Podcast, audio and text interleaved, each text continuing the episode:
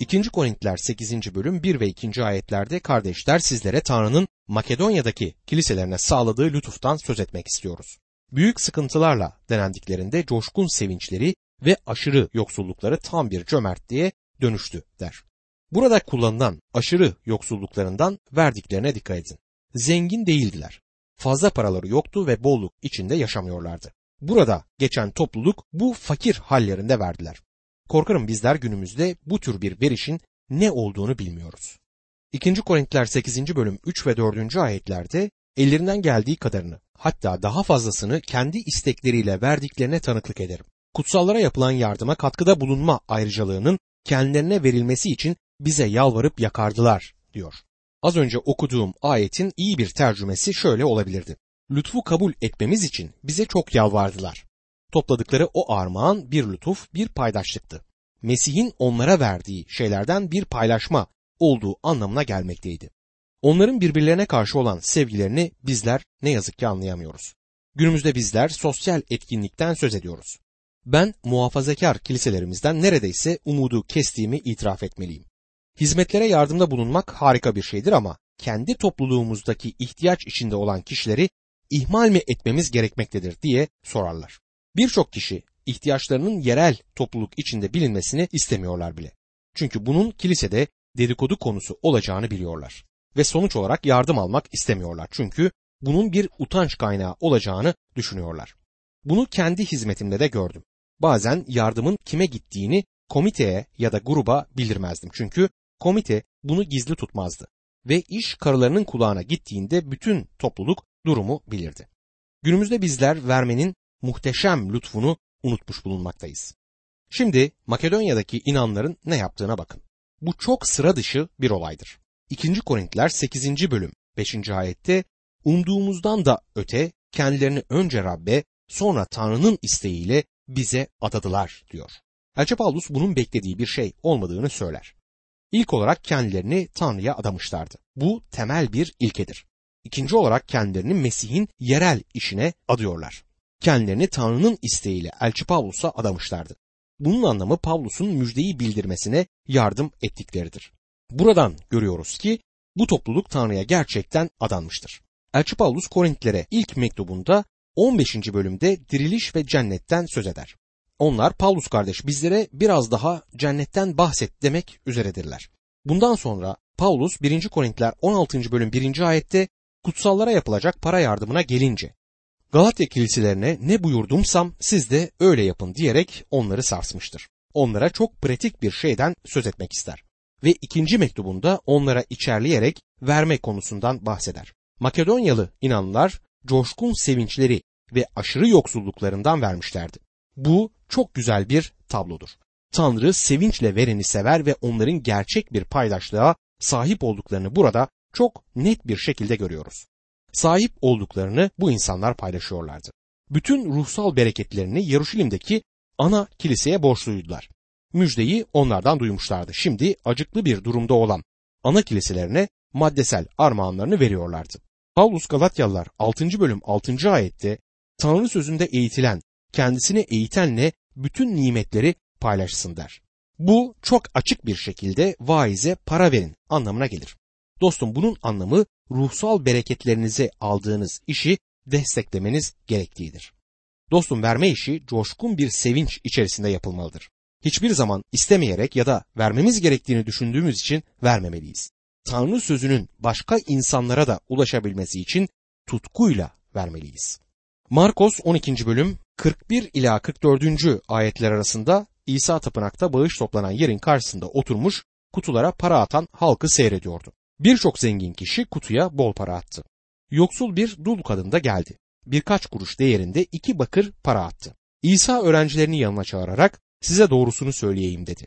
Bu yoksul dul kadın kutuya herkesten daha çok para attı. Çünkü ötekilerin hepsi zenginliklerinden artına attılar. Bu kadın ise yoksulluğuna karşı varını yoğunu geçirmek için elinde ne varsa tümünü verdi diyor. Fakirliğinde verdi ve sahip olduğu her şeyi verdi. Kadın verdiği birkaç kuruşu tapınağın zenginliğiyle kıyaslayacak olursanız fazla bir değeri olmadığı ortadadır. Ama Rab İsa Tanrı'nın değerlendirmesini yapmaktadır. Luka 21. bölüm 2 ila 4. ayetler arasında ise yoksul bir dul kadının oraya iki bakır para attığını görünce size gerçeği söyleyeyim dedi. Bu yoksul dul kadın herkesten daha çok verdi. Çünkü bunların hepsi kutuya zenginliklerinden artana attılar. Bu kadın ise yoksulluğuna karşın geçinmek için elinde ne varsa hepsini verdi. İş bağış vermeye gelince bazı insanlar sıfır noktasında durur denmiştir. Bir sürü insan verme konusunda her zaman o vermeme noktasında durur. Yeni bir bina için para toplamaya çalışan bir İskoç kilisesi hakkında bir hikaye vardır. Kilisenin üyelerinden biri 50 bin sterlini olduğu bilinen zengin bir İskoç'tur. Tipik bir İskoçyalıydı ve çoğumuz için epey cimriydi. Görevlerden biri yanına gelip kardeş yeni kilise için ne kadar vereceksin diye sorar. İskoçyalı sanırım dul kadının attığı kadar atabilirim diye yanıt vermiş. Görevli bir sonraki toplantıda kardeşler gereken bütün para toplandı. Bu kardeş 50 bin sterlin verecek demiş. Adam şaşırmış. Ben 50 bin sterlin vereceğim demedim. Dul kadının attığı kadar atacağımı söyledim demiş. Görevli ise evet ama o her şeyini verdi ve ben de senin aynı şeyi vermek istediğini düşündüm diye cevaplamış. Tanrı'nın ne kadar verdiğinizi görmekle birlikte ne kadarını kendinize sakladığınızda gördüğü ilginçtir. Bir başka kilisede bir bina programı için bağış topluyormuş. Üyelerinden birini çağıran bir görevli ne kadar vereceksin kardeş diye sorar. Adam sanırım cebimden bir şey çıktığını hissetmeden 10 dolar verebilirim demiş. Görevli neden 20 dolar verip cebinden bir şey çıktığını hissetmiyorsun diye yanıt vermiş. Çünkü bereket ancak cebinizden bir şey çıktığını hissettiğinizde gelir. Dostum vermek almaktan daha büyük bir mutluluktur sözünün anlamı budur. Makedonyalı inanlar kendilerini Tanrı'ya teslim ettiler. Ve dostum, Tanrı size sahip değilse sizden hiçbir şey istemez. Tanrı ele sahip değilse eldeki armağanı da istemez. 2. Korintiler 8. bölüm 6. ayette bu nedenle aranızda daha önce başladığı bu hayırlı işi tamamlaması için Titus'u isteklendirdik diyor. Elçi Paulus Korintli inanların Makedonyalı inanları motive eden lütfun aynısıyla motive edilmeleri gerektiğini söylüyor. Her insan için gerçek sınav ne verdiğindedir. Birisi tapınma toplantısı için gereken üç şey olduğunu söylemişti. Birinci olarak kutsal kitaptır. İkincisi ilahi kitabı. Üçüncüsü de para cüzdanı. Vermek Tanrı'ya tapınmamızın bir parçasıdır. Eğer verme lütfuna sahip değilsek, Tanrı'ya dua edip bize cömert, paylaşan bir ruh vermesini istemeliyiz. 2. Korintliler 8. bölüm 7. ayette Hristiyanlara verme konusundaki öğütleri görürüz. 2. Korintliler 8. bölüm 7. ayette imanda, söz söylemekte, bilgide, her türlü gayrette, bize beslediğiniz sevgide, her şeyde üstün olduğunuz gibi bu hayırlı işte de üstün olmaya bakın der. Paulus onları övmektedir. İmanları boldur, tanıklık edebiliyorlar, bilgi ve gayretleri de var. Ve Elçi Paulus diğer habercilere karşı sevgileri olduğunu da bize aktarır. Şimdi onlara bu hayırlı işte de üstün olmalarını söylüyor. Peki neden söz etmektedir? Buradaki temel konu verme konusundaki lütuftur. 2. Korintliler 8. bölüm 8. ayette bunu buyruk olarak söylemiyorum. Yalnızca sevginizin içtenliğini ötekilerin gayretiyle karşılaştırarak sınamak istiyorum diyor. Elçi Paulus burada günümüzde vermenin yasayla mekanik olarak ya da bir merasim olarak olmaması gerektiğini söyler. Birçok kutsal kitap yorumcusunun ondalığımızı vermemiz gerektiğini söylediğini biliyorum. Tabii ki eski antlaşmada ondalık vermek temel bir noktaydı. Ancak eğer dikkatle incelerseniz insanların üç tane ondalık verdiğini göreceksiniz. Bunlardan bir tanesi hükümeti desteklemek içindi ki buna günümüzde vergi diyoruz. Öyleyse ondalık Hristiyanların vermesine temel oluşturmamaktadır. Elçi Paulus bunu bir buyruk olarak söylemiyorum der. Korintlilerden bu bir buyruk olduğu için vermelerini istemez. Vermelerini istemesi konusunda onlara iki tane neden sunar. Bunlardan ilki ötekilerin gayretiyle karşılaştıraraktır ki Makedonyalıların vermesinin örneği olur. İkinci neden ise sevginizin içtenliğini sınamaktır. Günümüzde de insanın sevgisinin gerçek sınavını para cüzdanları oluşturur. Bir Hristiyan için en hassas nokta parasal destek konusudur. 2. Korintliler 8. bölüm 9. ayette Rabbimiz İsa Mesih'in lütfunu bilirsiniz. Onun yoksulluğuyla siz zengin olasınız diye zengin olduğu halde sizin uğrunuza yoksul oldu der. Verme konusunda bir standart arıyorsanız size standardı vereyim. Rab İsa Mesih'in kendisi. Zengindi ama fakir oldu. Buraya geldi ve fakir bir konumdaydı. Cenneti bırakıp Beytlehem'de doğmayı, Nasıra'da yaşamayı, Yarışilim duvarlarının dışında bir çarmıhta ölmeyi ve bir mezarın karanlığına yatırılmayı düşünmenizi isterim. Zengindi ama sizler ve benim için fakir oldu. 2. Korintiler 8. bölüm 10. ayette bu konuda size yararlı olanı salık veriyorum. Geçen yıl bağış toplamaya ilk girişen hatta buna ilk heveslenen siz oldunuz. Bu Korintlilerin bir yıl önce bir vaatte bulunup bağış vermeye başladıklarını göstermektedir. Bu da bizi düzenli olarak belirli bir miktar para vermeyi vaat etme konusuna getirir.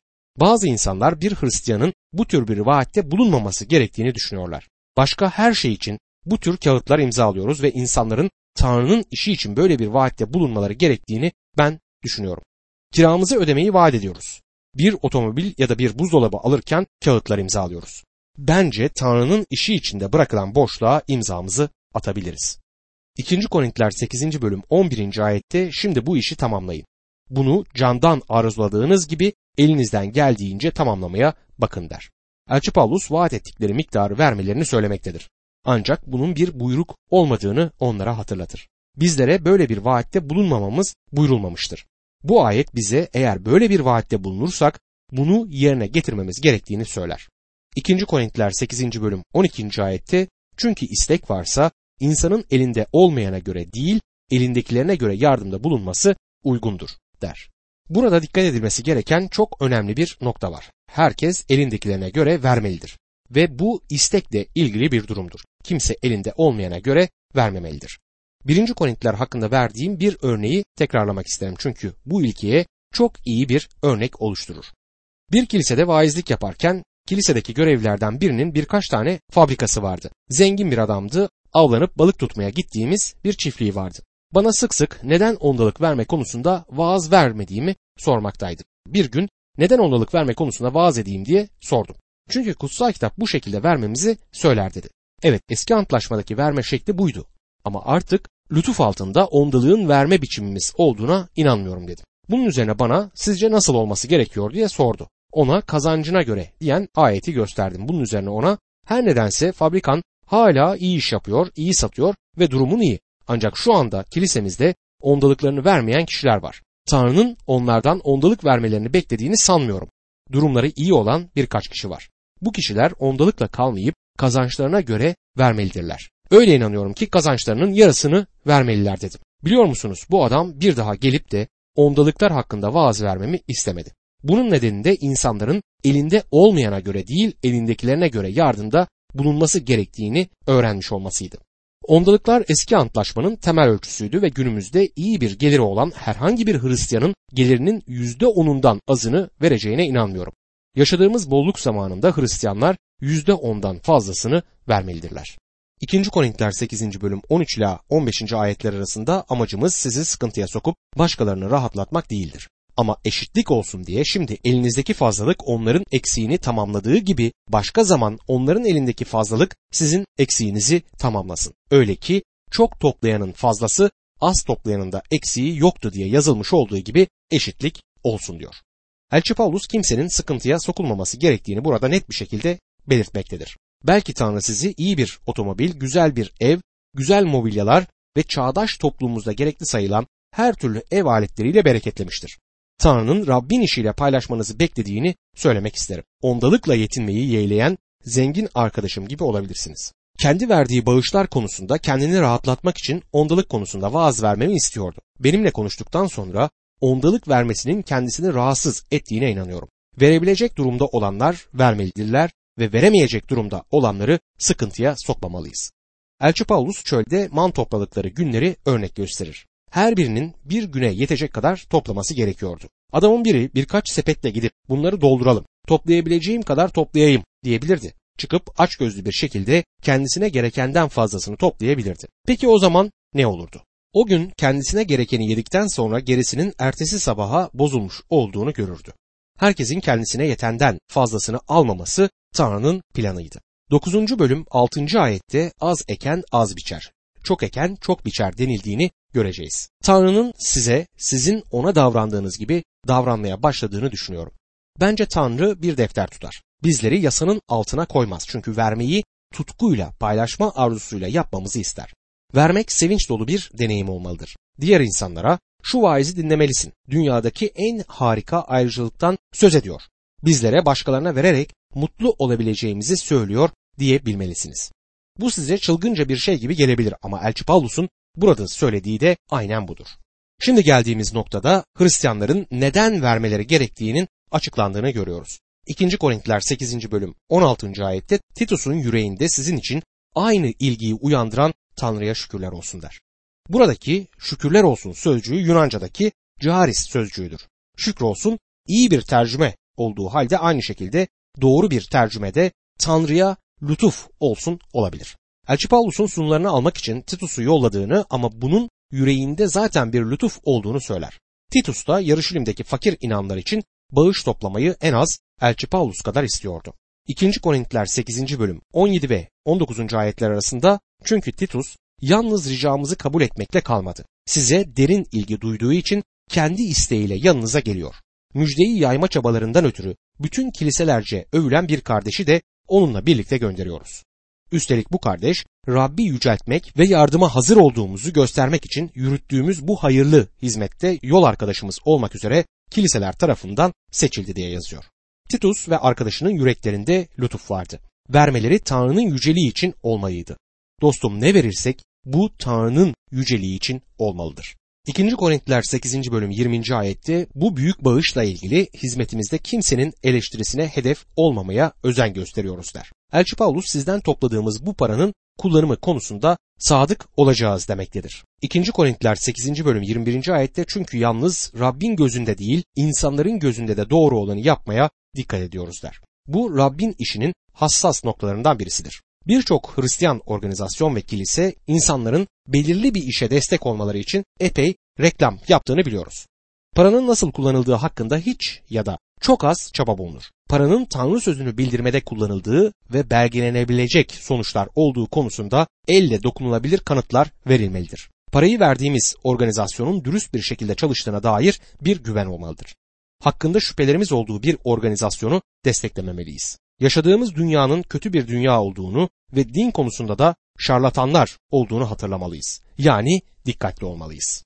Büyükelçi Paulus bile yalnız Rabbin gözünde değil insanların gözünde de doğru olanı yapmaya dikkat ediyoruz demiştir. Paranın verildiği amaç için kullanıldığı açık olmalıdır. 2. Korintiler 8. bölüm 22 ve 23. ayetlerde birçok konuda defalarca deneyip gayretli bulduğumuz şimdi size duyduğu büyük güvenle çok daha gayretli olan kardeşlerimizi de bu iki kişiyle birlikte gönderiyoruz. Titus'a gelince o benim paydaşım ve aranızdaki emektaşımdır. Öbür kardeşlerimiz ise kiliselerin elçileri Mesih'in kıvancıdırlar diyor. Titus'a güvenebilirlerdi. İyi bir referansla geliyordu. Ayrıca kendilerine rapor verecek olan elçi Paulus'a da güvenebilirlerdi. Para sadece bir tek kişi tarafından alınmayacaktı. 2. Korintiler 8. bölüm 24. ayette bunun için onlara sevginizi kanıtlayın. Kiliselerin önünde sizinle övünmemizin nedenini gösterin der. Elçi Paulus sevgilerinin kanıtını istemektedir. Dostlarım eğer içtenseniz sözlerden fazlası olacaktır. Vermeniz sevginizin dokunulabilir bir dışa vurumu olmalıdır. Korkuyorum ki birçok Hristiyan kız arkadaşına senin için en büyük okyanusları aşarım. Senin için en derin nehirleri yüzerek geçerim. Senin için en yüksek dağlara tırmanır aşarım. Senin için kızgın çöllere geçerim deyip de mektubunun altına ve çarşamba akşamı yağmur yağmazsa seni görmeye geleceğim diye not düşen çocuk gibidirler. Çoğumuz İsa Mesih'i ne kadar çok sevdiğimizi söylemeye bayılırız ama onun için fazla bir fedakarlıkta bulunmaya razı değiliz. Elçi Paulus Korintlilerden sevgilerini kanıtlamalarını ister. 2. Korintliler 9. bölümde de Hristiyanların neden vermeleri gerektiği açıklanmaya devam eder.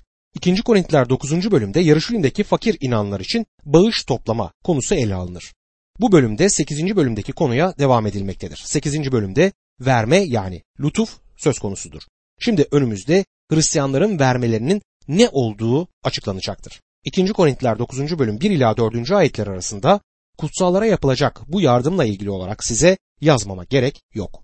Çünkü yardıma hazır olduğunuzu biliyorum. Ahaya'daki sizlerin geçen yıldan beri hazırlıklı olduğunu söyleyerek Makedonyalılar karşısında sizinle övünmekteyim. Gayretiniz onların çoğunu harekete geçirdi. Bu konuda sizinle övünmemiz boşa çıkmasın. Dediğim gibi hazırlıklı olasınız diye kardeşleri yanınıza gönderiyorum. Öyle ki bazı Makedonyalılar benimle birlikte gelir ve sizi hazırlıksız bulurlarsa sizler bir yana bizler duyduğumuz güvenden ötürü utanmayalım demektedir. Elçi Paulus onları diğer insanlara karşı bu kadar övdükten sonra oraya gelip de hiçbir şey vermediklerini görürse çok utanacağını söyler. Cömertçe vermek kilisenin gerçek sınavlarından bir tanesidir. Gerçek ruhsal canlılığa sahip olan bazı kiliselere gitmekteyim. Bunlar harika kiliseler ve cömertçe verdiklerini görüyorum. Ruhsal bakımdan gerçekten ölü olan başka kiliselerde de bulunuyor ve fazla vermediklerini görüyorum. Bağışın büyüklüğü oldukça iyi bir ölçüdür. Şimdi bu Korintli inanların Yaruşilim'deki inanlara yardım etmek için para vermeyi vaat etmiş olduklarını göreceksiniz. Herhangi bir inanlının vermeyi vaat ettiği paranın kendisiyle Rab arasında olduğunu söylemek isterim. Bu bir şey yapacağınız ya da bir miktar vereceğiniz konusunda Rabbe olan vaadinizdir. Kendisine bu kadar çok para verdiğiniz halde nasıl bu kadar zenginsiniz diye sorulan zengin bir adam tanıyorum. Tanrı bana kürekle veriyor, ben de kürekle başkalarına veriyorum. Ama Tanrı'nın küreği daha büyük diye yanıt vermişti. Dostum hiçbir zaman Tanrı'dan daha fazla veremezsiniz. 2. Korintiler 9. bölüm 5. ayette bu nedenle önce yanınıza gelmeleri ve cömertçe vermeyi vaat ettiğiniz armağanları hazırlamaları için kardeşlere ricada bulunmayı gerekli gördüm. Öyle ki armağanlarınız cimrilik değil cömertlik örneği olarak hazır olsun der. Verilecek armağana cömertlik örneği dediğine Elçi Paulus'un dikkat edin.